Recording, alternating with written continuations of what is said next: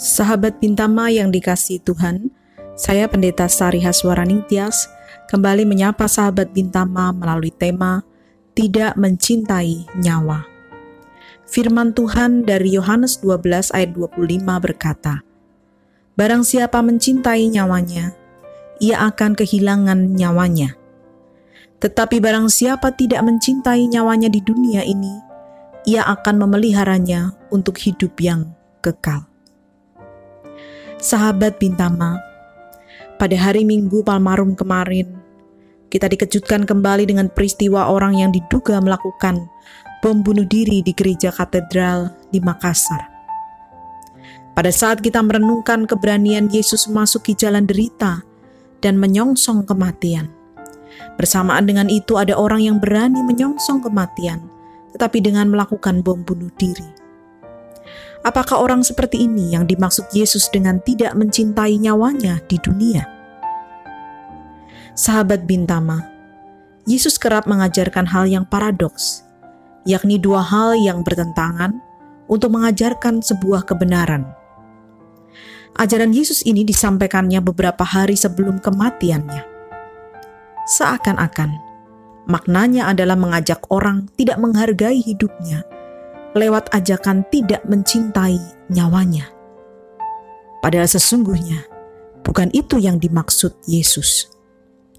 Yang dimaksud Yesus dengan sikap mencintai nyawa akan kehilangan nyawa adalah mereka yang melakukan apa saja demi dirinya, demi keinginannya, termasuk hal-hal yang berdosa, keliru dan mengorbankan sesama.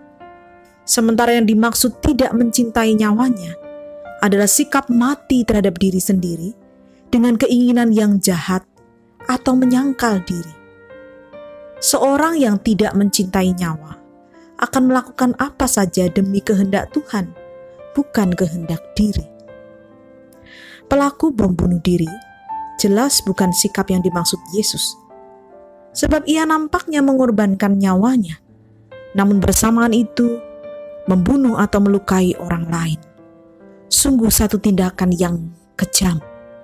Sementara Yesus memang mengorbankan nyawanya, tetapi dilakukannya untuk membawa keselamatan, bukan membunuh atau melukai yang lain. Yesus membawa anugerah keselamatan lewat kematiannya.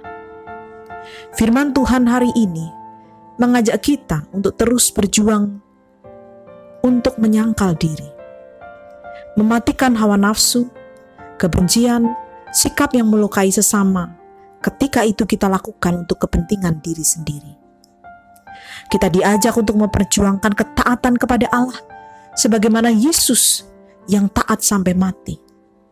Bersedia mengatakan ya pada kehendak Allah dan tidak pada kehendak diri ketika kehendak diri itu membawa kita pada sikap mencintai nyawa atau melakukan apa saja demi diri sendiri. Kiranya kita mampu untuk menyangkal diri dan mematikan dosa dan kejahatan dalam diri kita, sehingga kita semakin taat kepada Allah dan menyatakan kasih kepada sesama.